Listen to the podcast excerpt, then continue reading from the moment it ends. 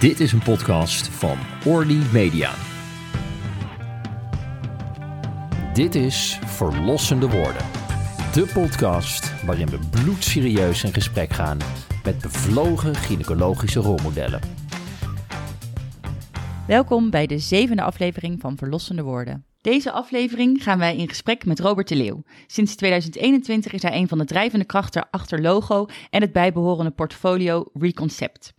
Daarnaast is hij auteur in meer dan 50 peer-reviewed papers, is hij co-auteur van twee boeken, begeleidt hij acht promovendi en heeft hij bijna 300.000 euro aan beurzen voor wetenschappelijk onderzoek binnengesleept. Hij doet binnen de benigne gynaecologie onderzoek naar onder andere adenomiose, niche-gerelateerde klachten naar seksio's en myomen. Hij geeft graag onderwijs, het liefst met digitale ondersteuning. Vanwege zijn IT-interesse is dit goed te combineren. Dit maakt dat hij verantwoordelijk is voor meerdere e-learnings die beheerd worden op een Moodle-platform, namelijk te vinden op www.gynecologyonline.com. Robert, welkom in onze podcast Verlossende Woorden. Dankjewel. We zitten hier uh, in het uh, AMC, waar jij uh, werkzaam bent. Um, en um, willen graag even beginnen om je wat beter te leren kennen. Um, dus waar kom je vandaan en waar ben je opgeleid?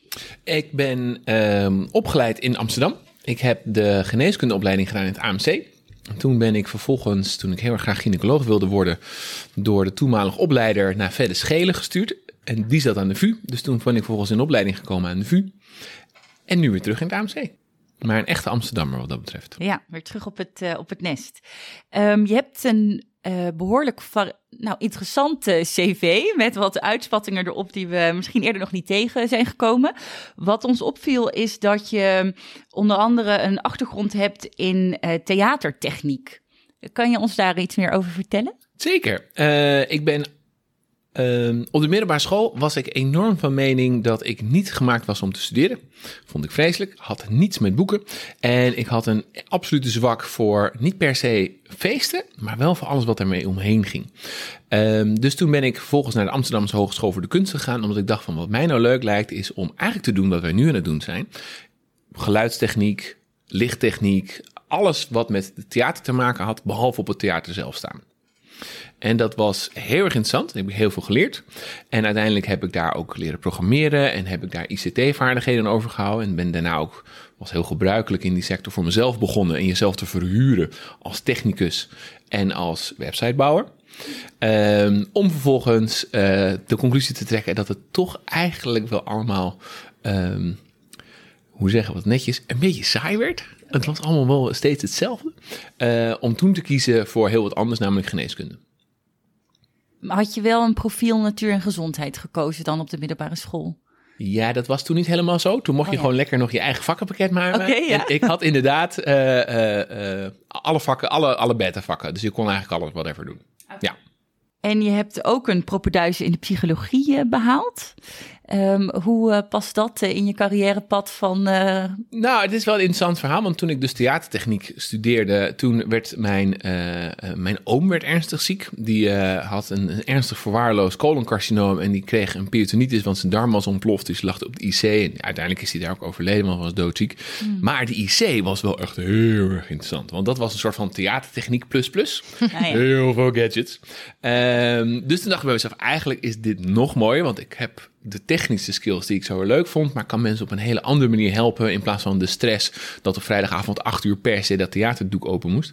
Um, maar ja, dat verzin je natuurlijk dan in juni. En kennelijk moest je dan meedoen aan een of andere loting die ergens in mei plaats moest vinden. Dus ik kon niet dat jaar gelijk meedoen. Nee. Dus ik heb eerst een jaar psychologie gedaan onder het motto van, nou, als ik niet ingelood word, dan is dit leuk om mee te gaan. En het jaar daarna ben ik met geneeskunde begonnen.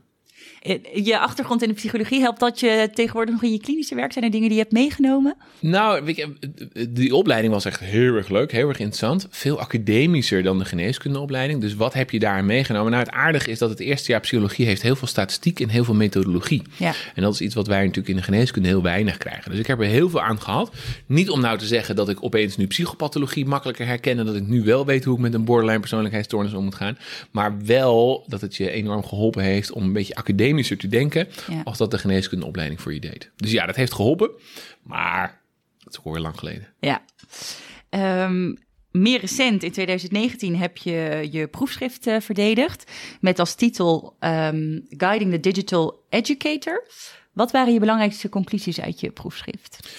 Mijn belangrijkste conclusie uit het proefschrift was dat we heel veel digitaal onderwijs gebruiken, maar dat we niet zo heel erg goed weten wat nou precies effectief is. En dat we eigenlijk ook relatief weinig gebruik maken van die dingen waarvan we wel weten dat het effectief is. Okay. En wat we uiteindelijk hebben gedaan, is dat we hebben een vragenlijst gevalideerd waarbij je je eigen e-learning kan toetsen en kan evalueren of die aspecten waarvan we internationaal denken dat ze echt van toegevoegde waarde zijn op digitaal onderwijs ten opzichte van face-to-face onderwijs, um, er ook echt in zitten.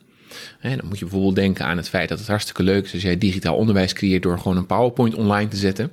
Maar dat is natuurlijk niet de kracht van digitaal onderwijs. Het online zetten van zes filmpjes waarbij je een PowerPoint-presentatie aan het houden bent, is digitaal onderwijs, maar het is natuurlijk niet de kracht van digitaal onderwijs. En dat hebben we met dat proefschrift geprobeerd naar voren te halen. Welke elementen werken nou wel als toegevoegde waarde op dat vaak uh, vergeleken met face-to-face onderwijs, hè, je college, zou ik maar zeggen. Ja, en wat zijn belangrijke elementen dan uh, die wel werken? Nou ja, dat is interessant, want dat zijn best wel open deuren. je moet bijvoorbeeld denken aan feedback. Uh, een van de grootste toegevoegde waarden van digitaal onderwijs vergeleken met eh, face-to-face onderwijs is dat een digitaal systeem in staat is om jou feedback te geven, vragen te stellen, interactiviteit te bieden, uh, samenvattingen te geven op bepaalde momenten.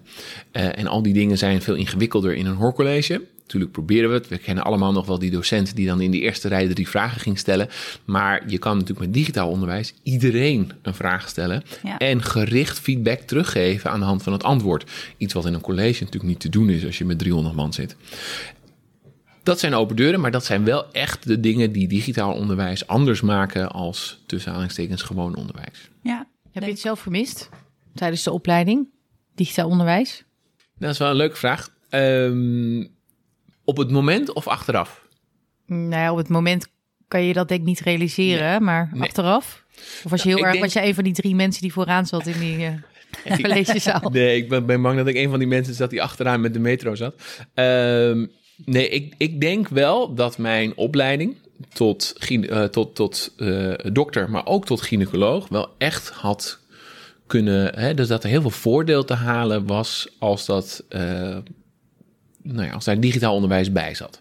Dus achteraf denk ik zeker dat ik dat gemist heb tussen aanhalingstekens. In die zin dat met de kennis van nu zou ik veel effectiever gebruik gemaakt kunnen hebben van digitaal onderwijs toen. Um, dan het onderwijs dat je hebt gehad. De keerzijde medaille is, als ik dan bijvoorbeeld kijk naar studenten van nu die digitaal onderwijs krijgen, maken ze nog steeds niet het gebruik van dat digitaal onderwijs op de manier dat je idealiter het zou willen zien. Dus waarschijnlijk, als ik digitaal onderwijs had gehad als meester, had ik dezelfde metrokrant in mijn handen gehad en nog steeds niet gedaan. Dus ik weet niet zo goed of ik digitaal onderwijs heb gemist of gewoon überhaupt het voortschrijdend inzicht van uh, volwassen worden, zou ik maar zeggen. Ja, dat je had moeten opletten. ja, precies. Um, je hebt uh, dus een website uh, gecreëerd, een Moodle-platform, um, waar verschillende e-learnings op uh, beschikbaar zijn.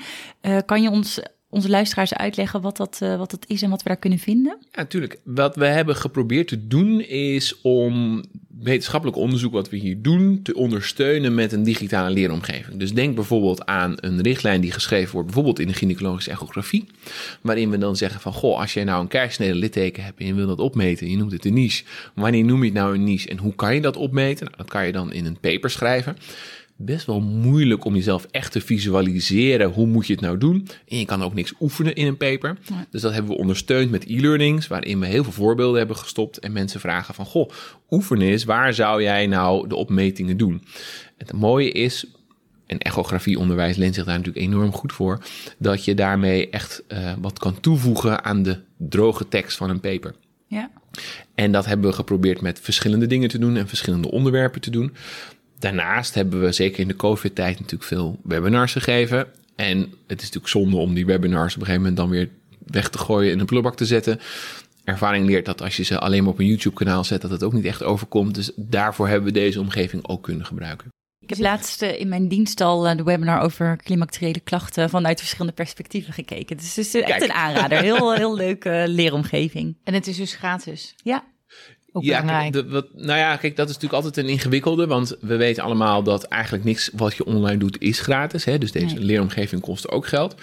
Um, het mooi maken van onderwijs kost geld. Dus ik ben eigenlijk een enorme voorstander om onderwijs te professionaliseren en dan kost het dus geld, een reëel bedrag. De keer zijn medaille is, als jij geld hebt om een onderzoek te doen...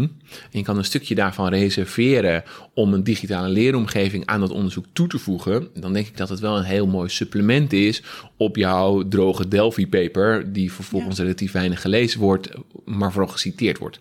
Dus ik denk dat het een enorm toegevoegde waarde is... maar het is wel altijd ingewikkeld hoe je uh, dat op de lange termijn sustainable, dus niet duurzaam in de vorm van groen, maar duurzaam in de vorm van onderhoudbaar houdt. Ja. En wat is een reëel bedrag dan? Ja, dat is een interessante uh, discussie. Als je, we hebben die discussie vaak ook eh, in het kader van logo. Uh, en in het kader van wat vinden we nou, een, wat mag een cursus nou eigenlijk kosten en wat doen andere specialisten? Nou, dan zie je dat gynaecologen eigenlijk heel graag voor niets in de avonden colleges gaan zitten maken en het liefst op een vrije dag een vakantiedag moeten nemen om een laparoscopiecursus te geven. Terwijl het heel gebruikelijk is bijvoorbeeld bij de heelkunde om daar een fee voor te geven van 1000 euro, 1500 euro per docent per dag. Dat betekent dat gauw een cursus al 400, 500 euro voor een dag kan gaan kosten. Terwijl wij, dat kennen jullie natuurlijk, verplichte cursussen hebben die eigenlijk heel weinig kosten als je gaat kijken naar wat ze per dag zouden moeten zijn. Leuk voorbeeld vind ik zelf de moedcursus. De moedcursus vinden we allemaal heel duur. Nee, de moedcursus is de enige cursus die eigenlijk het bedrag vraagt wat het echt kost om professioneel onderwijs aan te bieden.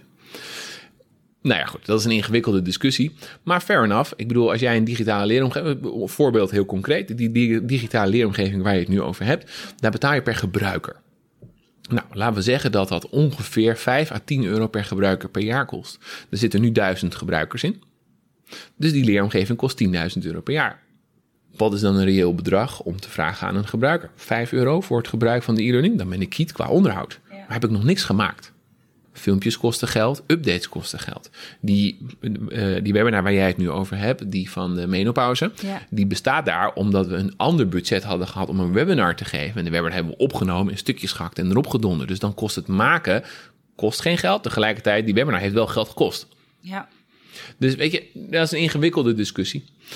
Um, je hoeft niet te verdienen aan een digitale leeromgeving, maar als jij een mooi onderwijs wil aanbieden, moet je wel gewoon reëel zijn en zeggen, ja, dat kost geld. Ja, dit is natuurlijk ook gewoon een probleem op meerdere uh, vlakken. Hè. Dat, dat is natuurlijk ook met patiënteninformatie. En uh, het, is, het is, er is gewoon eigenlijk nooit geld voor om dingen te onderhouden en dingen te maken. En dan doe jij dat bijvoorbeeld in je, in je eigen tijd. En dan, nou ja, ik zou 5 euro voor elke webinar die erop staat, zou ik echt een prima bedrag vinden om te betalen. Dat merk je eigenlijk niet. Dat is heel anders dan 1650 euro voor de moedcursus. Als je die moet voorschieten. Maar uh, nee, dus nee, ik, dat, ik, nou, ik zou zeggen, zet er een. Uh...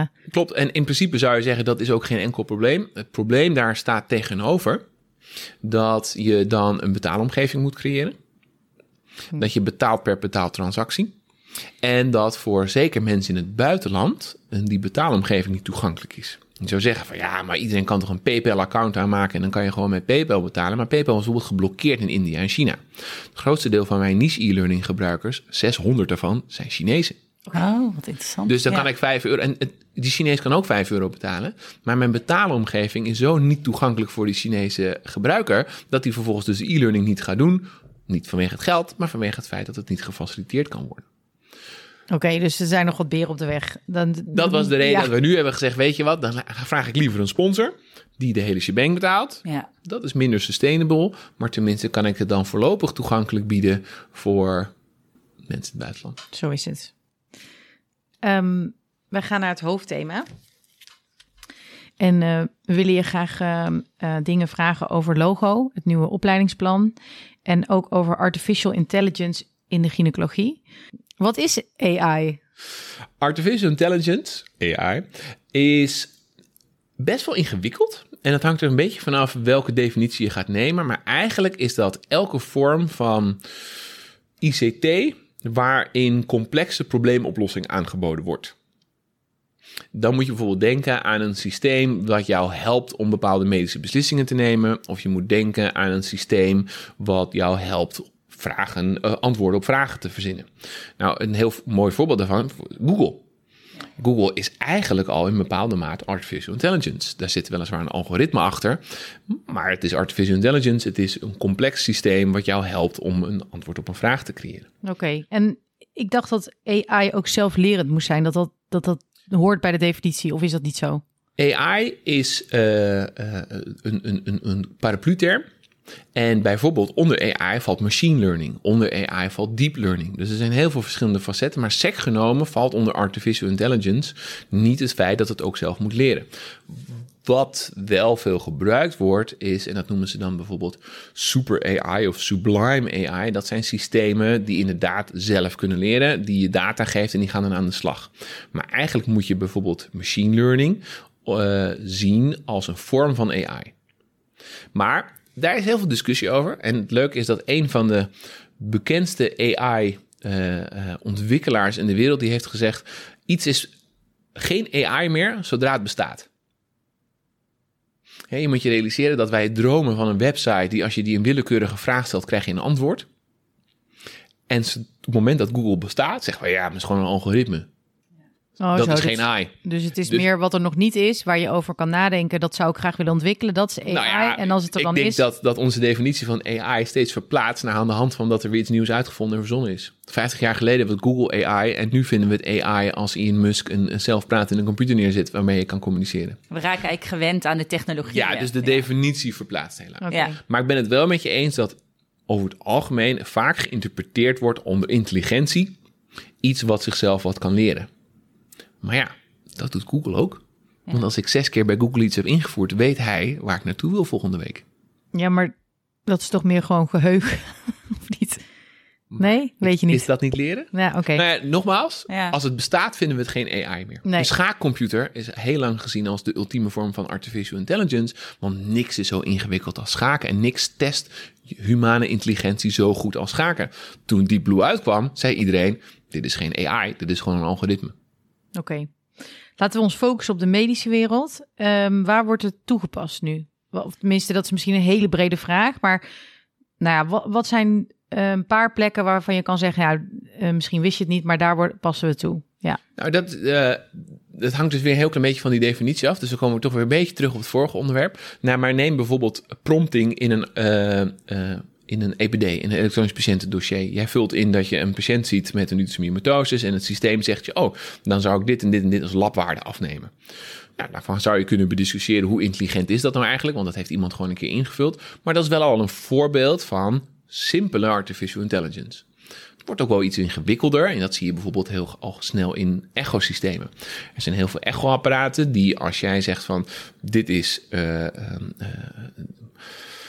ik ken het niet zo heel goed van de verloskunde, maar uh, dit, dit, is een uterus. uh, uh, en je, je geeft dan aan, hier loopt het kavum, dat het artificial intelligence systeem jou gaat vertellen of het een normaal kavum is of dat het een uterusanomalie is. Die systemen zijn al op de markt en worden ook al veel gebruikt. Systemen die echt volkomen zelflerend zijn en het idee van die super AI, dat mhm. is er eigenlijk nog niet. En dat komt ook omdat het gewoon überhaupt nog niet bestaat. En daar zijn natuurlijk dan ook wel de zorgen over in de toekomst. Want er zijn heel veel doemdenkers in dat onderwerp. Ehm, maar de middelen dat een computersysteem jou helpt om complexe vraagstukken te beantwoorden, is iets wat we eigenlijk in de dagelijkse praktijk al veel gebruiken. Ja. Dus nou ja, je hebt ook al aangegeven waar we het eigenlijk al gebruiken. Dus uh, met echo's bijvoorbeeld. Uh, het klopt inderdaad in de verloskunde. Als je een buikomtrek meet, dan gaat de computer al zelf een lijntje daaromheen trekken. Dus uh, dat klopt zeker. Um, welke spannende ontwikkelingen verwacht je dat er binnenkort aankomen? Ja, dat is natuurlijk waar uh, de meeste mensen aan denken aan AI. Want dan denken de meeste mensen toch al gauw een soort van Terminator scenario. Waarbij uh, de, de wereld overgenomen gaat worden door artificial intelligence systemen. Maar dat komt er wel aan. En dat weten we niet zo goed wanneer. Er zijn sommige mensen die zeggen dat is er over 10 jaar. Sommige mensen hebben het over 50 jaar. Maar de kans is heel reëel dat in ieder geval in onze levensspannen er computersystemen gaan zijn die inderdaad volledig autonoom dingen kunnen leren, uh, dingen kunnen verbeteren en dingen aan ons gaan zitten terugkoppelen. Daar zijn doemscenario's bij te verzinnen. Computersystemen die uh, voor ons gaan beslissen wat goed voor ons en niet goed voor ons is. En dat wij de regie gaan verliezen over bepaalde dingen. Dat zal ook zeker gaan gebeuren. In bepaalde mate gebeurt dat al. Bijvoorbeeld denk aan een zelfrijdende auto die voor jou gaat remmen omdat hij een kind over ziet steken. Gelukkig is dat een heel gunstige uitkomst. Maar het kan zomaar zijn dat een nieuwe AI voor jou gaat bepalen wat je vanavond gaat eten. Gezond. Allicht, maar dit gebrek aan autonomie gaan wij heel vervelend vinden. Wat gaan we in de geneeskunde als eerste merken? Nou, wat je nu vooral ziet, is dat er een enorme opkomst is in diagnostiek. Dus de diagnostische fase gaat strakjes als eerste, verwacht ik, gedigitaliseerd worden. Waarbij dus een patiënt niet meer bij jou komt voor een diagnose. Maar de diagnose al gesteld is door een systeem wat het misschien wel ook gewoon beter kan dan jij. Om vervolgens aan jou te gaan kijken wat zijn de passende behandelingen die daarbij horen. Ik kan me zo voorstellen dat voor een EUG of zo AI wel super fijn is. Want dat blijft altijd een beetje in het ongewisse. En dat die misschien toch sensitiever is in bij die hoeveelheid vrij volgt of daar zwelling van die type, dat de probability van een EUG of zo er dan uitrolt. Ja, zoiets. Ja, dat, dat, zou, dat zou een voorbeeld zijn. Ik denk dat je, je ziet AI nu al veel opkomen in de echografie. Ja. Dus dat zou zeker om, mogelijkheden zijn. Je ziet dat artificial intelligence een belangrijke rol begint te spelen, bijvoorbeeld in de interpretatie van endometriose. Uh, waarbij je op MRI en op echo gewoon een cirkeltje krijgt van kijk, daar zit je endometriose. Omdat we toch, zeker voor de mensen die dat wat minder vaak doen, moeilijk vinden om zelf te interpreteren. Uh, maar uh, dat is natuurlijk voor AI allemaal wel relatief heel simpel. Uh, om een voorbeeld te geven, ik ben nu bezig met een uh, AI-onderzoeker in Cambridge. En die kan, als je die 400 plaatjes geeft van endometriose, het systeem al zo bouwen dat hij met 70% zekerheid vertelt waar de endometriose zit. En dat is met 400 plaatjes in een maand gedaan. Dat is, dat, dat is nu al. Ja. Waar we over 10 of 20 jaar naartoe gaan, is dat die informatie niet meer gaat zeggen: Goh, deze mevrouw heeft een EUG. Maar dat het systeem je gaat vertellen: hey, deze mevrouw gaat een EUG krijgen. Je kan beter A of B vandaag niet doen. Misschien moet je niet stoppen met de pil, maar eerst dit doen om iets te voorkomen. In de preventieve geneeskunde wordt het natuurlijk veel interessanter. En dan wordt het echt op een complexiteit dat wij als mensen dat niet meer kunnen bevatten. En dat is waar de computer van toegevoegde waarde gaat zijn. Dus ik denk niet dat de computer moet overnemen wat wij al heel goed kunnen. De computer moet overnemen of wat wij heel saai vinden, of wat we niet kunnen. Een mooi voorbeeld daarvan, uh, ik sprak laatst een radioloog. En radiologen zijn natuurlijk als eerste zaken, dat begrijp je. Want ja. ja, die MRI hoeven ze straks niet meer te beoordelen. Dat gaat gewoon de computer voor je doen. En de radioloog was een beetje pissig. Want die zei, wat ik niet zo goed snap, is dat jullie maken nu een artificial intelligence systeem... wat mijn MRI-beelden gaat beoordelen. Maar dat is het leuke van mijn vak. Ik heb liever een AI-systeem dat al die waardeloze verslagen voor mij gaat zitten typen dan dat jullie een AI-systeem maken die van mij overneemt wat ik al leuk vond. Maak iets om mij het werk te ontlasten. En dat is natuurlijk helemaal terecht. Maar ja, een AI-onderzoeker vindt het niet leuk om een systeem te maken wat automatisch verslagen gaat genereren. Die wil iets cools maken. Maar dat is wel echt waar straks de grote toegevoegde waarde in gaat zijn. Administratie moet in de verleden tijd horen als jij een systeem hebt wat het allemaal voor jou gaat zitten doen.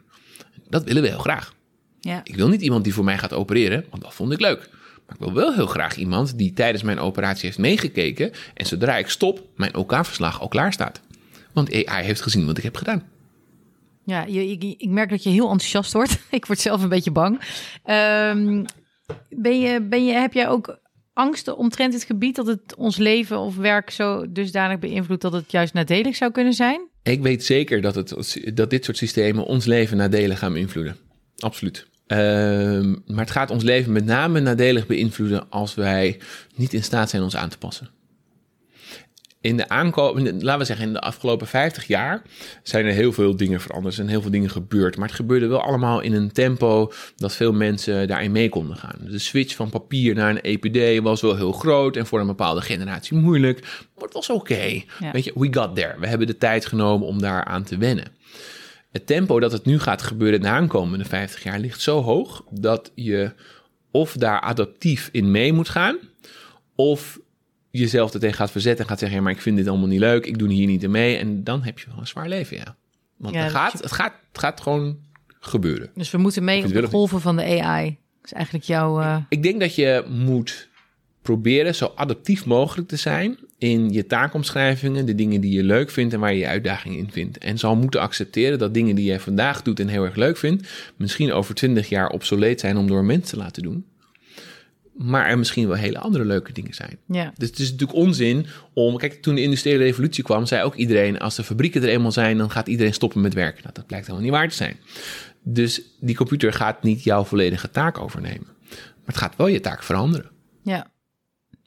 Ik ben wel getriggerd ook door wat je zei over uh, preventieve geneeskunde, omdat ehm, we natuurlijk best wel uh, een maatschappelijk probleem potentieel gaan krijgen met de zorglast die toe gaat nemen.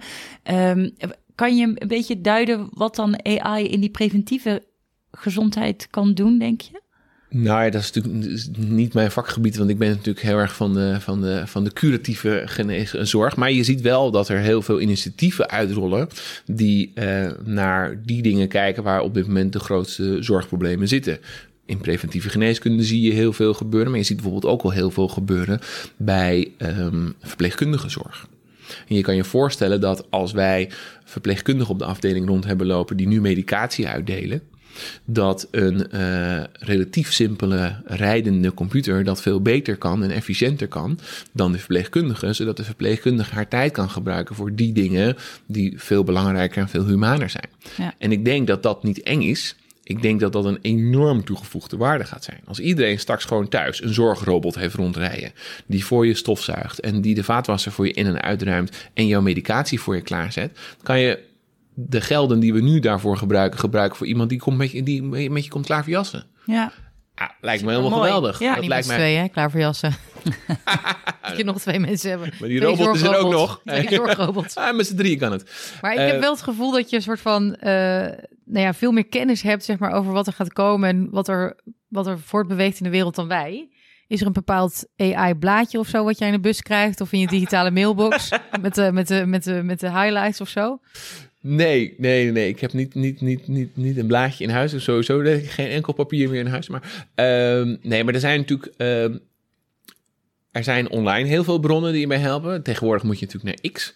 Uh, ja, dat is voor ons dus al nieuw. Oké, het oude Twitter. Ehm, maar wat natuurlijk enorm helpt, is als je vrienden hebt en onderzoekers hebt die hier heel veel in doen. Dit soort gesprekken voer je en heb je met computernerds in Cambridge die hier nog veel meer een mening over hebben. En er zijn natuurlijk ook gewoon heel veel hele leuke boeken over dit onderwerp geschreven. Zoals? Die, nou, de, um, ja, dat ga ik jou eens even vertellen. Kijk, de, de, de truc is om um, tijd in bepaalde mate efficiënt in te delen. En ondanks het feit dat ik in Horen woon, wat uh, nou, drie kwartier tot een uur rijden is van Amsterdam, heb ik de gelegenheid om uh, audioboeken te luisteren. Uh, een stuk of drie, vier per week. Uh, Super Intelligence. Uh, een boek van Nick Bondstrom. Of Live 3.0 van Max Techmark. Het zijn hele leuke boeken. Die gaan alleen maar over wat is AI en wat kunnen zij daarvan. Wel vanuit het perspectief van de computerkundige. Heeft niks met geneeskunde te maken. Maar wel heel interessant. Wat allemaal zou kunnen in de toekomst. Ja, en wat hun zorgen zijn. Hè? Dat gaan we in de show notes zetten. Deze ja, dat is een goeie. um, we hebben ook een vraag van Frank Willem Jansen voor je gekregen. Nou, het was eigenlijk het was één vraag, maar het waren eigenlijk tien losse vragen in één. Dus um, ik, ga hem je even, ik ga hem je even voorlezen. Dus um, wat is de rol van AI in ons vak? Hebben we het echt nodig? En als we het allemaal implementeren, hebben we dan nog wel een dokter nodig? En wat wordt die rol dan van de dokter? Ja, dat gaat natuurlijk een beetje terug in wat we net zeiden. Um, hebben we AI nodig, is denk ik niet de juiste vraag. De juiste vraag is, hoe gaan we met AI om? Want het is niet aan ons om het in ons vak te introduceren. Dat doen andere mensen voor ons. Je moet je realiseren dat computerdeskundigen, die maken dit voor ons. Hè. Die vragen niet aan ons wat wij willen. Die maken coole gadgets omdat zij denken dat wij er behoefte aan hebben. Dus de, de, de vraag is dus niet, moeten we er wat mee? Nee, de vraag is, als het er straks is, hoe gaan we ermee om? Dan vervolgens hoop ik heel erg dat we met elkaar in conclaaf gaan om te kijken in welke delen van ons vak is het nodig. Nogmaals, ik zou het geweldig vinden als ik geen administratieve last meer heb, maar dat er een AI-systeem is wat tijdens mijn poli mijn hele gesprek meeluistert en vervolgens mijn, ook mijn, mijn brief naar de huisarts alvast schrijft. Super makkelijk systeem is dat. Dat kan binnen een paar jaar in, uh, uh, bestaan. Dus wat is de rol? Het ontlasten van de dokter. Ik denk dat de eerste belangrijke stap is dat wij ons kunnen focussen op die dingen die de computer niet doet. En dat is het humane, het interactieve, het menselijke, het emotionele. Counseling is gewoon best heel ingewikkeld. Laat ons lekker counselen. Laat mij geen administratie meer doen. Daarnaast gaat het natuurlijk op het punt komen dat de computer ook dat beter gaat doen dan mij. Je ziet nu al systemen die emotionele reflectie beter kunnen dan jij en ik. Ja. Dus dan kom je op het punt dat inderdaad de dokter misschien daar geen rol meer in heeft. Dat wil niet zeggen dat de dokter niet een belangrijke rol in van alles en nog wat kan hebben. Maar het kan wel zo zijn dat wij een hele andere rol gaan krijgen. En ik kan niet voorspellen welke rol dat gaat zijn, want ik weet niet welk systeem wij straks tot onze beschikking hebben. Ja, en wie er dus beter empathisch wordt, de computer of wij zelf? Dat is dus, nog, de, dat is dus ook nog een vraag. Nee, nee, die is al beantwoord. die vraag is al beantwoord. Dat is de computer. Oh, echt waar? Ja, er zijn nu al computersystemen. Die, als jij ze belt, dan krijg jij helemaal niet een, een callcenter in India aan de telefoon. Je krijgt een computer aan de telefoon. En die kan aan de hand van jouw intonatie, je stemgeluid en je dingen inschatten of jij boos bent, blij bent, tevreden bent of whatever bent. En dan schakelen ze je door met iemand die daar dan weer in gespecialiseerd is. Dus uh, nee, dat kunnen ze al. Okay. De vraag is alleen, wanneer is de maatschappij klaar voor de interactie met zo'n systeem? En dat is dan weer heel maatschappelijk. Je ziet bijvoorbeeld in Japan dat ze daar veel verder zijn. Heel veel Japanse ziekenhuizen hebben ook al zorgrobots, omdat de Japanners in hun cultuur heel gebruikelijk zijn om heel intensief en persoonlijk met technologie om te gaan. Ja. En dan zie je dat dat veel sneller integreert. Oké. Nou, heb je het over dat um, AI en dat, dat, dat, dat er computernerds zijn die AI ontwikkelen. En dat wij daar een beetje, nou ja, dan maar moeten kijken wat ze naar ons toeschuiven, waar we iets mee kunnen. Nou heeft Frank Willem Jansen een gecombineerde leerstoel met de TU Delft. En neemt hij juist ingenieurs mee naar het ziekenhuis. En laat hij zien van, nou, dit is mijn werk. Misschien kunnen jullie nadenken om mijn werk makkelijker te maken. Is dat niet iets voor jou om te doen? Dat je die vrienden waar je gesprekken mee hebt uh, over dit soort dingen meeneemt naar het ziekenhuis en zegt: joh, maak mijn leven hier makkelijker. Dat is precies wat we willen doen. Twee weken geleden hadden we hier nog een een hele cursus hier in het AMC over artificial intelligence met dit als vraag: hoe kunnen wij bij elkaar gaan zitten en inderdaad de, dingen ontwikkelen waarvan wij denken in de zorg dat we er echt wat aan hebben, in plaats van die dingen waarvan zij denken dat we er misschien wat aan hebben. Maar dat blijft heel ingewikkeld. Je moet je realiseren dat er zijn maar beperkt hoeveelheid ziekenhuizen en dokters. Er zijn heel veel mensen die achter hun computer morgen via een relatief simpel script een leuk artificial intelligence dingetje kunnen gaan zitten maken. Dus daardoor zal de aanwas altijd vele malen groter zijn als de feedback die wij kunnen geven. Maar we moeten natuurlijk proberen samen te werken met universiteiten, met ontwikkelaars. Maar dat zijn met alle respect voor hun niet de, de kant waar het uitkomt. Het komt straks van Google, het komt straks van Apple, het komt straks van een, een, een Elon Musk. Waarom? Ze hebben geld. Ik probeer met Cambridge dingen te doen. Waar lopen we tegenaan? We hebben geen budget. Oh ja. Waar worden deze ambitieuze artificial intelligence experts naartoe getrokken? Niet als postdocs bij mij om onderzoek te doen, want ik heb geen geld voor. Dus waar gaat ze heen? Naar een commercieel bedrijf die dit straks in een echoapparaat stopt, want ze willen hun echoapparaat verkopen. Ik heb niet gevraagd om artificial intelligence in mijn echoapparaat. Ik wilde iemand die dat verslag ging schrijven van mijn echo. Dat krijg ik niet. Ik krijg AI in mijn echoapparaat. Dus die blijft wel ingewikkeld en dat heeft natuurlijk gewoon met geld te maken. Oké. Nou, en de hoop dat dan de nerds toch ook meer maatschappelijke toevoeging willen doen. En dus dan toch naar het ziekenhuis komen om te praten met ons. Of gewoon studenten die gewoon nog niet. Ja, maar als, wat je, kijk, als je echt talent wil hebben en je wil computer scientist hebben die echt mooie dingen kunnen maken hè, en die top of the class zijn, Ja. die moet je betalen. Ja. En die nemen wij als ziekenhuis niet in dienst, want we hebben het budget niet. En die mensen kunnen, with all due respect, twee, drie keer mijn salaris bij Google verdienen. Dan moeten ze wel verdomd goed argument hebben om dan in het ziekenhuis te komen werken voor de helft of voor een kwart of misschien wel een tiende van wat ze bij Google zouden verdienen. Want ze willen graag maatschappelijk toegevoegde waarde bieden om vervolgens ook niet het team te krijgen wat ze nodig hebben. Ja. En ik kan er eentje aannemen te- tegen een postdoc salaris. Maar als hij bij Google gaat zitten, heeft hij tien ingenieurs onder zich. Hier krijgt hij twee studenten van de medische informatiekunde. Ja, we- ik zou het al weten. Ja. Laten we hopen dat minister Kuipers misschien naar deze podcast gaat luisteren. en eh, dat daar wat geld voor vrijkomt. Nou ja, kijk, uiteindelijk denk ik inderdaad dat we eh, budgetten moeten vrijmaken om dit soort systemen te ondersteunen. Maar ja, weet je, laten we eerlijk zijn, we moeten budgetten voor van alles en nog wat hebben. Daar hebben we natuurlijk helemaal geen geld voor. Maar ik denk bijvoorbeeld wel, en dat zie je wel heel erg opkomen, ontwikkeld in ziekenhuizen, dat bijvoorbeeld zorgrobots een enorme toegevoegde waarde kunnen zijn. Want we hebben met z'n allen een probleem. We hebben budget, want we kunnen heel veel vacatures niet invullen. Ja, ik weet niet of je bij die Chinezen in Amsterdam bent geweest, op die boot tegen, eh, te- bij het Centraal Station. Maar daar rijden kleine robots rond die het eten voor je brengen. Nu, anno 2002, vorig jaar al.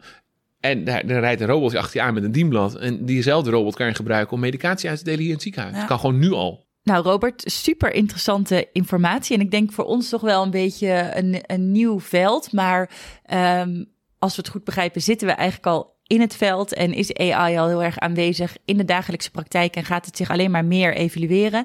Um, en is het aan ons als, um, als jonge dokters en aan onze luisteraars om uh, adaptief te zijn, mee te bewegen, omdat het misschien wel uh, de belangrijkste ontwikkeling is, gaat zijn in, uh, in de toekomst. Dus dank voor dit stukje toelichting. Um, dan willen we nu graag uh, met je in gesprek over het uh, tweede deel waar we je voor hadden uitgenodigd, namelijk het nieuwe opleidingsplan en het uh, bijhorende portfolio. Ja, en dat, en dat gebruiken we natuurlijk nu ook al. Dus, dus um, de start is gemaakt. Waar komt nou die speciale interesse van jou in onderwijs vandaan? Uh, ik was co-assistent in het AMC. En toen was ik uh, bij, uh, bij bevallingen. En dat was, dat was natuurlijk magisch. Ik bedoel, iedereen die ons vak doet, wordt denk ik in eerste instantie gewoon verliefd op de verloskunde, omdat dat zo bijzonder is. En toen ben ik naar de toenmalige opleider hier gelopen en heb gezegd: Goh, eens luister, ik wil heel graag gynaecoloog worden. En toen zei die opleider: zei, Dat is leuk, wat vind je nog meer leuk? Ja, gynaecologie alleen leuk vinden is niet genoeg. Nou, ik, mijn, mijn, uh, uh, mijn stiefmoeder was middelbare schooldocent en ik vond scholen leuk. En ik had, nou, ik vind onderwijs ook wel erg leuk.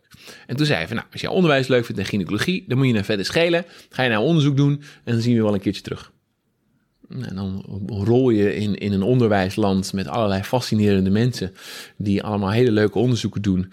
Uh, op een hele andere manier als dat ik gewend was. Ik had niet zoveel zin in medicijn A versus medicijn B, maar je moest opeens met mensen gaan zitten praten. Nou, met een psychologie vooropleiding was dat wel heel erg leuk. Dus dan, dan rol je steeds verder in die uh, onderwijs. Logisch vervolg. Wat ook een bruggetje maakt naar uh, dat logo het logische vervolg zou zijn op boeg. Hadden we eigenlijk een nieuw opleidingsplan nodig? Ja. Waarom?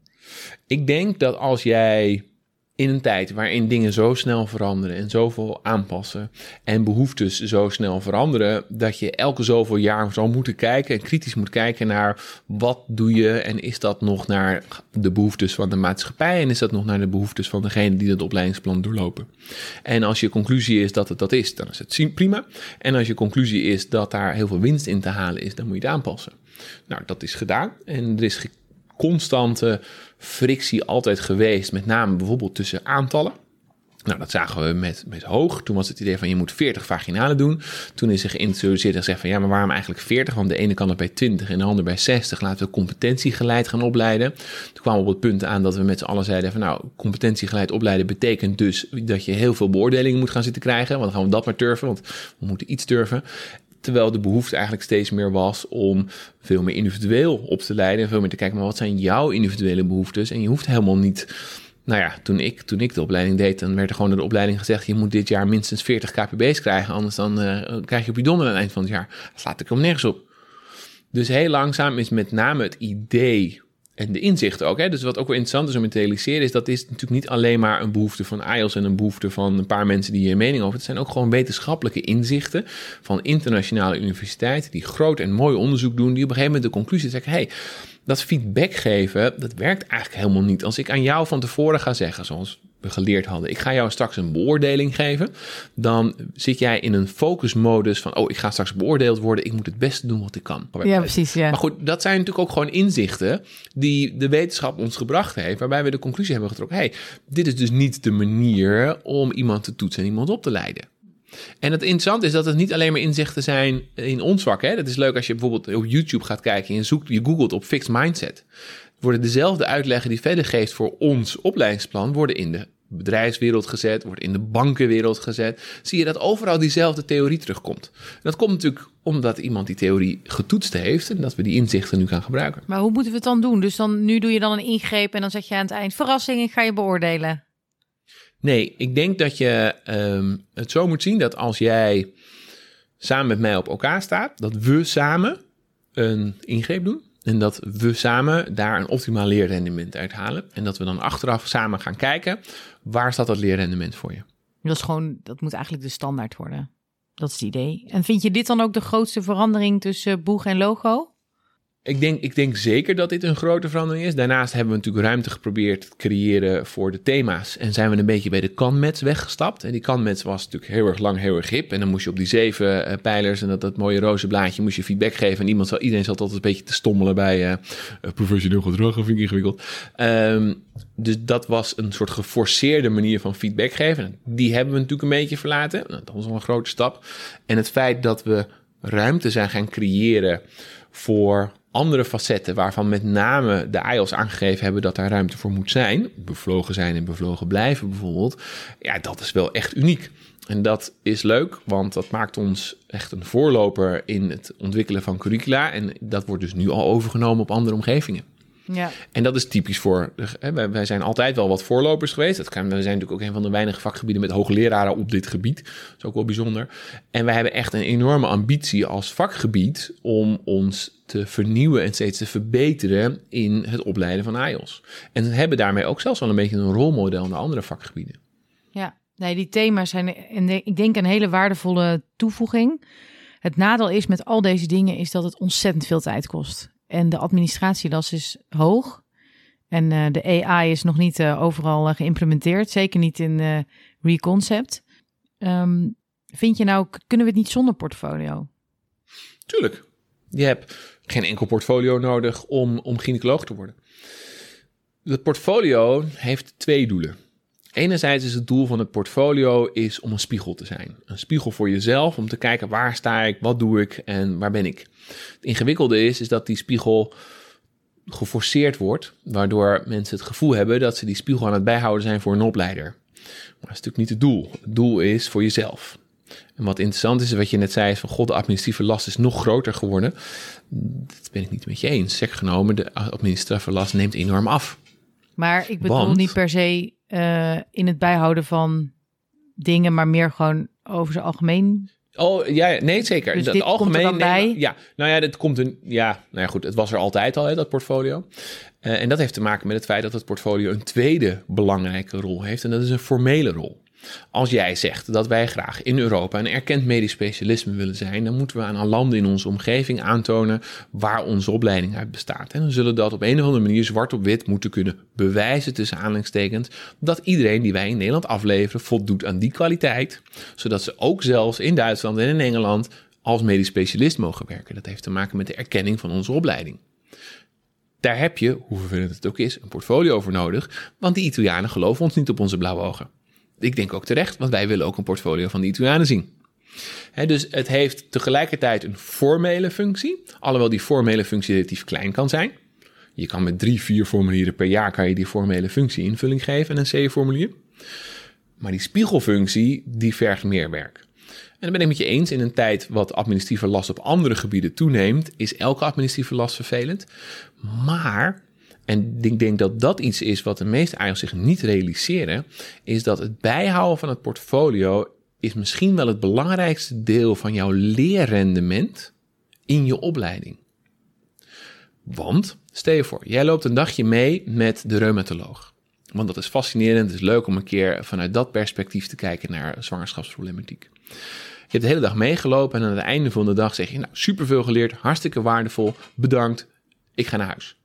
Prima. Leerrendement, medium. Als jij op dat moment serieus, hè, dat is gewoon netjes onderzocht, een kwartier de tijd neemt om 10 highlights op te schrijven wat je die dag geleerd hebt. Die 10 highlights copy-paste je in je portfolio, gaat jouw rendement met twee, drie keer zo groot omhoog. Niet omdat je het ooit nog na gaat lezen, maar het feit dat je het opschrijft en jezelf dwingt om even een kwartier na te denken: wat heb ik geleerd vandaag, zorgt ervoor dat die dag veel langer blijft hangen. Dus je houdt dat portfolio niet bij omdat je straks aan je opleider wil laten zien: kijk, ik heb met de reumatoloog bijgehouden. Dat opleidingsplan schrijven is je leerrendement. Net zoals dat ik, toen ik geneeskunde studeerde, aantekeningen had moeten maken. Net zoals dat jij, wanneer je digitaal onderwijs doet, nog steeds aantekeningen op pen en papier moet maken. Nou, ik Omdat het je rendement, je leerrendement vergroot. Nou, ik vind dit echt een super waardevolle toevoeging. Ik had ook eigenlijk zelf nog helemaal niet nagedacht dat onze opleiding ook Europees uh, geaccrediteerd uh, uh, is of wordt. En dat het ook handig is om in een ander land te werken, dat je dan ook een portfolio hebt. Dus uh, nou, je hebt mij helemaal om. Um, er is ook een oudere generatie. Hebben die moeite met het nieuwe portfolio? Kijk, ik denk dat iedereen die in ons vak zit, uh, bepaalde mate van veranderingen aan kan. En dat sommige mensen dat iets beter kunnen dan anderen. En ja, ik denk dat als jij 20 jaar lang A doet, dat het moeilijk is om naar B over te stappen naar wanneer je drie jaar lang A doet. Maar er zijn ook mensen die na drie jaar lang A heel veel moeite hebben om over te stappen naar B. Dus elke verandering kost heel veel tijd in elke generatie. Ik denk wel dat bepaalde generaties het sommige dingen wat minder handig en wat minder eigen mee zijn. Maar ehm, als ik ga kijken naar de feedback die we op bijvoorbeeld Reconcept krijgen, dan zie ik dat er meer feedback van de IOS komt in de vorm van: Goh, uh, moet dit allemaal? Um, dan uh, bij bijvoorbeeld opleiders en beoordelers. Maar fair enough, um, verandering is altijd vervelend. Ja. Nou, vervelend, lastig misschien. Ja. Kost tijd en energie. Ja. Nou ja, er zijn, we hebben, dus dat kon je bijvoorbeeld zien in de beoordeling van Reconcept. Er waren een paar mensen die gaven het in één. Oh ja. Die geven het in één omdat ze het belachelijk vinden dat we zijn geswitcht van portfolio, want het ging toch prima. En dan krijg je hele emotionele reacties van mensen die zeggen dat het gewoon echt slecht is dat we dit aan het doen zijn. Dat snap ik nogmaals vervelen. Het is, voor sommige mensen is verandering echt, echt heel vervelend. Daar staat tegenover dat als je gaat kijken naar wat ons vorige portfolio bood. En als je gaat evalueren wat zouden mensen graag willen, zoals een smartphone-app, zoals een integratie van de thema's, wat niet kon in IPAS, dan moet je dus switchen. We hebben met Reconcept of met IPAS gezeten om te kijken, kunnen we het portfolio zo aanpassen dat het past in ons nieuwe portfolio? Dat kon niet. Nee ja, dan moet je dus switchen naar een andere omgeving. En dat, ja, dat is vervelend. We zullen proberen het niet weer te moeten doen. Maar uiteindelijk is het portfolio secundair aan het curriculum, niet andersom. Ja. Even een hele andere out-of-the-box onderwijsvraag. Uh, vind je dat de obstetrie en de gynaecologie gescheiden moeten worden in de huidige tijd? Ja, die is leuk. Um, toen wij in het begin van Logo waren, ben ik naar verder toegelopen. Toen heb ik gezegd tegen verder, verder moest we gaan het gewoon aan twee hakken. Laten we nou gewoon lekker die gynaecologie nemen. Die duurt zes jaar. Die obstetrie duurt zes jaar. In die gynaecologie stoppen we anderhalf of twee jaar lang vooropleiding bij de heelkunde bij. Dan worden we tenminste een beetje normale chirurgen. Zijn we niet meer zo bang voor die darmen. Uh, doen, doen we een opleiding zoals de urologen. Helemaal top, worden we tenminste goede chirurgen. En toen begon hij heel hard te lachen. Toen zei hij, ja, het is allemaal wel. Maar dan zijn we geen geaccrediteerd specialisme meer in Europa. Je moet je realiseren dat om te voldoen aan bepaalde criteria om een medische volgopleiding te zijn, moet je aan heel veel criteria voldoen. Die criteria moeten niet alleen nationaal, maar idealiter ook internationaal gedragen worden. Neem de spoedeisende hulparts. De spoedeisende hulparts heeft er iets van vijf of acht jaar over gedaan om een erkend medisch specialisme te worden. Zoals wij morgen zeggen dat we twee niet erkende nieuwe medisch specialismen neer gaan zetten, namelijk de gynaecologisch gynaecoloog en de obstetrisch gynaecoloog, dan zal dat misschien wel tien jaar duren voordat dat twee aparte erkende medisch specialismen zijn. In de tussentijd hebben we generaties met gynaecologen die allemaal iets zijn wat we met z'n allen niet erkennen.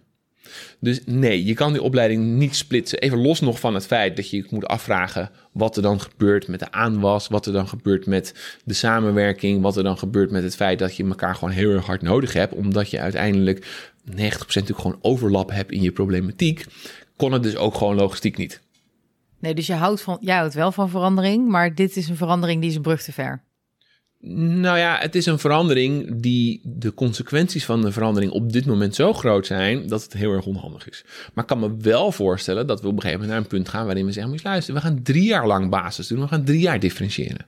Of misschien zelfs twee jaar lang basis doen en vier jaar lang differentiëren, zodat je in die vier jaar differentiatie alsnog verplicht een jaar heel kunde vooropleiding kan stoppen. Want daar zie ik wel heel veel heil in. Nou, dat is ook een hele interessante manier om er naar te kijken. Zijn er eigenlijk op Europees niveau ook overleggen, zo over de opleiding en, en differentiëren en basisdeel? Zeker. Onze collega Jessica van der A is gepromoveerd op het Europese curriculum voor medisch specialist en gynaecoloog. Dus daar, hè, eh, eh, eh, dus daar, daar zijn heel veel overleggen. Dus ook gewoon een groep die daar de, de criteria voor stelt, waar aan dan vervolgens allerlei mensen weer aan moeten voldoen. Absoluut. Dus de discussies die we hier hebben over uh, verlos en, en gynaecologie, dat is ook al iets wat Europees speelt? Of? Nee, daar zit ik zelf niet goed genoeg in. Dan moet je Jessica eigenlijk even bellen. Oké. Ehm, maar uh, de, de afwegingen en de overwegingen die hier een rol spelen, worden natuurlijk overal meegenomen. Net als bijvoorbeeld, maar zouden we een soort van basiscursus laparoscopie aan iedereen verplicht moeten stellen dat is heel ingewikkeld. Hè? Je moet je bijvoorbeeld realiseren dat bijvoorbeeld in Duitsland is er niet eens een overkoepelende organisatie voor de opleiding. Elk ziekenhuis bepaalt zelf hoe die opleidt en wie die opleidt. Als jij in Duitsland gynaecoloog wil worden en je zit in een ziekenhuis waar ze alleen maar oncologie doen, kan het zomaar zijn dat je gynaecoloog wordt zonder een substantieel obstetrie te hebben gezien. Maar ze voldoen wel aan de minimumcriteria, et cetera, et cetera. Er zijn ook landen waarin ze een opleiding in vier jaar stoppen. En ook die kunnen voldoen aan die criteria dus er is een diversiteit in Europa. Ehm, maar uh, die diversiteit zorgt er natuurlijk voor dat we die discussies op een heel, op een heel andere manier moeten voeren. Er zijn heel veel landen waar het heel gebruikelijk is dat de, de, de opleiding tot gynaecoloog is vier jaar, maar iedereen doet een tweejarig fellowship. Ah ja, ja. Hou hier hetzelfde. Ja. Daarover gesproken, op dit moment is redelijk uh, actueel ook het jonge klare probleem. Jij als uh, zittende gynaecoloog, maar wel met een passie voor opleiding, uh, heb je daar ideeën over hoe we dat nou kunnen oplossen? Dit toch wel vervelende probleem. En dan doe je op het feit dat we. Um... Dat er een soort van stuw meer aan het komen is van ja, jonge nou, klaren die geen baan kunnen vinden. Of geen vaste plek in ieder geval. Ja, er spelen een aantal dingen, denk ik, door elkaar. Mm enerzijds is inderdaad de vraag van... goh, waarom krijgen mensen geen vaste baan? Ja. Dat is een hele andere discussie als geen baan. De volgende vraag is dan, kunnen, zijn er mensen die geen baan kunnen vinden? Dat is ingewikkeld, want er zijn wel vacatures. Hè? Er zijn heel veel vacatures in Nederland. Ze zijn alleen op een plek waar we het graag niet willen invullen. En het gevolg daarvan bijvoorbeeld ook is, is dat vanaf volgend jaar de opleidingen anders verdeeld gaan worden. Waar dan gewoon gezegd van, weet je wat, minder AIOS in Amsterdam, want Amsterdam heeft geen vacatures. Meer AIOS in Groningen, want daar zijn wel vacatures. Okay. Maar die Amsterdammers willen niet naar Groningen om te gaan werken. Dus de vraag is een heel klein beetje, enerzijds, is er een jonge klare probleem in de vorm van dat we geen banen hebben? Of hebben we een jonge klare probleem omdat we niet adaptief genoeg zijn? Omdat we onze manier van werken moeten aanpassen. Oké, dus dat is een discussie. En het is, het is heel ingewikkeld hoor. Ja. Natuurlijk, als jij in Amsterdam woont en je hebt een partner in Amsterdam en je kinderen gaan naar school in Amsterdam en je hebt je crash geregeld, et cetera, dan is even verhuizen naar Groningen natuurlijk ook soms geen optie. Dus ik realiseer dat het gechargeerd is.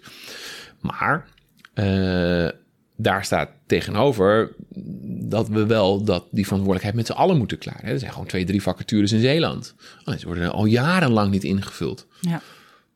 Oké, dus dat is probleem 1. Probleem 2 is, en dat is nog een veel groter probleem, uh, is het feit dat we te lang doorwerken. We moeten bloody met pensioen gaan. Ik vind dat iedereen die 67 plus is en ergens nog staat te opereren, uh, zich moet afvragen waarom hij dat staat te doen. Als je met ze praat, dan gaan ze je vertellen dat er geen keuze is, want ze zijn de enige met deze expertise.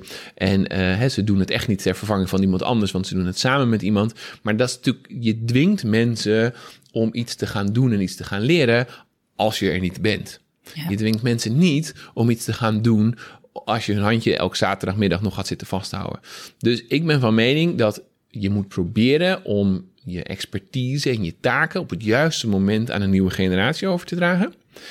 En dan misschien wel ook gewoon één of twee dagen minder te gaan werken als je 60 plus bent.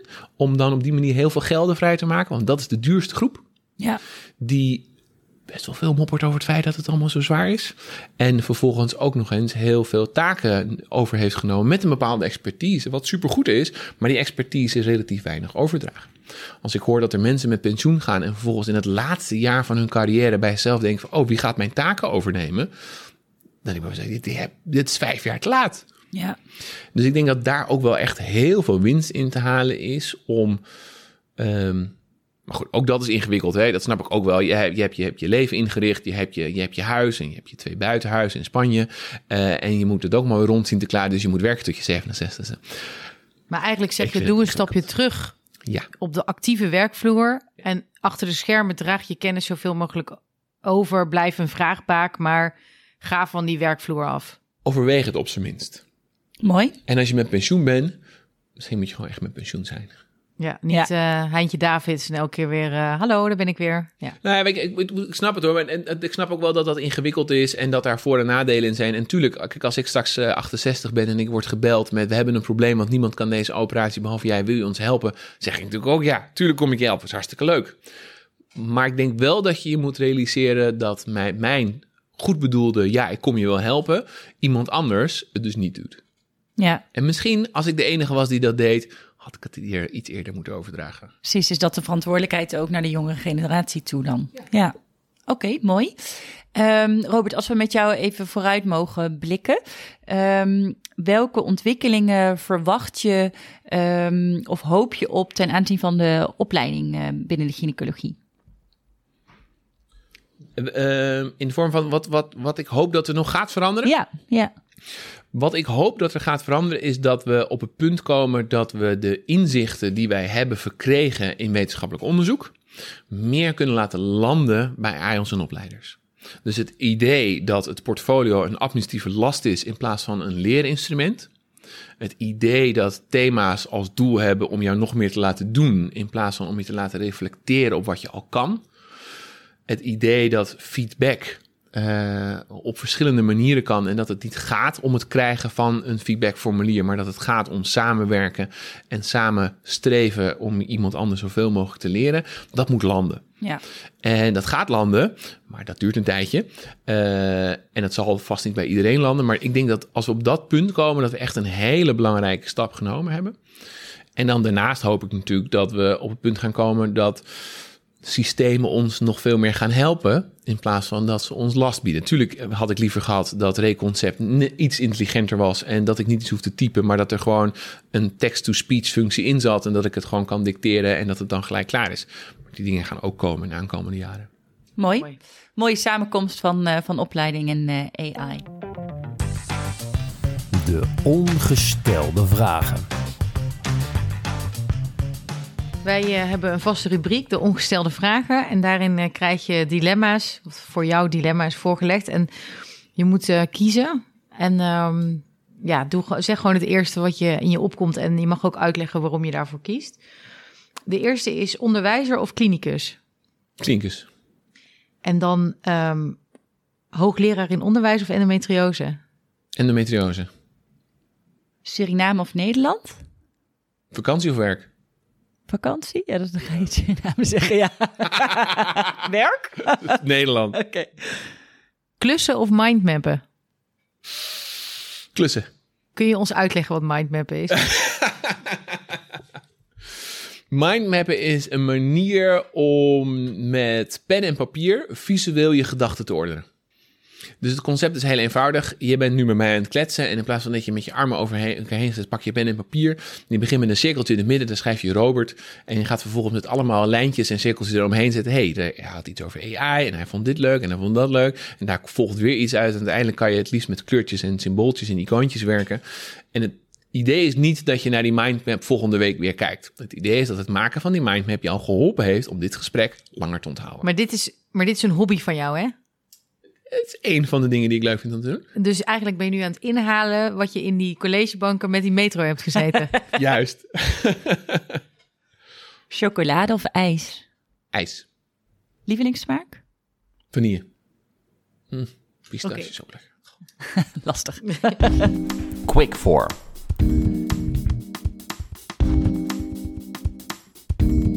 Um, dan gaan we nu naar de quick four. En dat zijn ook vragen die we aan, uh, aan iedereen stellen. Wat, zijn jouw, wat is jouw grootste passie buiten het ziekenhuis? Mijn vrouw. Ah, mooi. Wat zou je doen als je geen gynaecoloog was geworden? Ik had heel graag regisseur willen worden. Dat lijkt me zo spannend. Kan je lekker mindmappen, denk ik. Echt wel. Als je jezelf op de eerste dag van de opleiding een advies had kunnen geven, wat zou dat zijn? Meer aantekeningen maken. Wat is de belangrijkste verandering binnen de benigne gynaecologie die je hebt meegemaakt in je carrière? Voor mij persoonlijk is dat denk ik de introductie van de, van de robot. Oké. Je zegt voor mij persoonlijk, want je denkt dat. Nou, ik denk dat er, dat, er, dat er veel grotere innovaties en dingen neergezet zijn in de wereld van de gynaecologie. En veel belangrijkere inzichten zijn verkregen. Ik denk bijvoorbeeld überhaupt het simpelweg een embolisatie van uterusmyomatoses, dat soort dingen. Ja. Uh, maar voor mij persoonlijk, omdat ik dat zelf heel veel doe, okay, is dit een instrument wat echt een enorme impact heeft gemaakt op mijn dagelijks werk. Ja. ja. En, en de belangrijkste um, verandering binnen het opleidingsklimaat, of het opleiden tot gynaecoloog? Ik denk de manier waarop we feedback geven en feedback van elkaar krijgen. En ook het feit dat je als IELTS feedback hoort terug te geven aan je opleider. Dat dat echt een heel groot verschil is met, uh, met, met tien jaar geleden. Ja. Dan zijn we aangekomen bij de afsluitende woorden van jou. Wat moeten we nou van deze podcast onthouden? Ik denk dat je moet onthouden dat het belangrijkste van de aankomende tien jaar gaat zijn dat je flexibel bent dat je adaptief bent aan de hand van wat je tegenkomt. Dat je open staat voor nieuwe inzichten, of dat nou in onderwijs is, of in leren is, of in je eigen vakgebied is. En dat je probeert om vernieuwing niet te zien als iets wat eng is en vervelend is, want nu moet ik weer wat anders, maar dat het iets is wat je hopelijk verrijking kan geven en wat het als je ervoor open staat 9 van de 10 keer ook echt doet. Nou, dat is, een, dat is heel mooi. Dat gaan we meenemen. Um, je mag ook nog een vraag aan de volgende gast die we hebben stellen. En dat is Christiane Lok. En wij gaan het met haar hebben over trofoblasziekte en kanker in de zwangerschap. En uh, mogelijk ook fertiliteitspreservatie bij kanker. Wat zou je aan haar willen vragen? Ik, ik, ik zit onvoldoende in het onderwerp, dus misschien dat het een hele domme vraag is. Maar um, ik ben heel erg benieuwd hoe wij in de geneeskunde in het algemeen jonge meisjes kunnen bereiken met een, oncologische, uh, met een oncologisch probleem in het kader van die eicelpreservatie. Ik denk dat we dat zeker in de gynaecologie veel doen, maar hoe bereiken we die kindjes die bij de kinderarts komen of die jonge adolescenten die bij een reumatoloog komen, die daar een vreselijk medicijn gaan krijgen, die waarbij de jongetjes, heb ik het idee, relatief snel geadviseerd wordt van nou, hier, kwakje in een potje, dat is lekker makkelijk, maar waarbij die meisjes eicelpreservatie of niet of nou, heel moeilijk geïntroduceerd worden. Hoe bereiken wij die meisjes die we niet bereiken? Voor eicelpreservatie? Nou, dat is een hele goede vraag. Gaan we stellen aan haar. Precies, die nemen we mee naar de volgende podcast. Robert, heel erg bedankt um, voor dit uh, hele leuke uur. We hebben ontzettend veel bijgeleerd. Um, jij bent duidelijk uh, bevlogen en, uh, en wij worden dit nu ook uh, door jou. Um, we hebben geleerd om AI, denk ik, niet griezelig te vinden, maar te leren dat het ons gaat steunen en echt gaat faciliteren. Ik denk dat dat echt een belangrijke boodschap van je is. Um, en bedankt voor het inzicht dat met name, denk ik, voor de AI als een portfolio eigenlijk een superbelangrijk leerinstrument is. waarbij het opschrijven van wat we geleerd hebben een heel belangrijk instrument is voor het leren. Uh, um, ik denk dat dat een belangrijke motivator is en, uh, en interessante informatie die we misschien wel hebben ge gemist de afgelopen tijd. Dus dank voor um, allerlei nieuwe inzichten. Graag gedaan. Dit was Verlossende Woorden. Dank voor het luisteren en tot de volgende aflevering.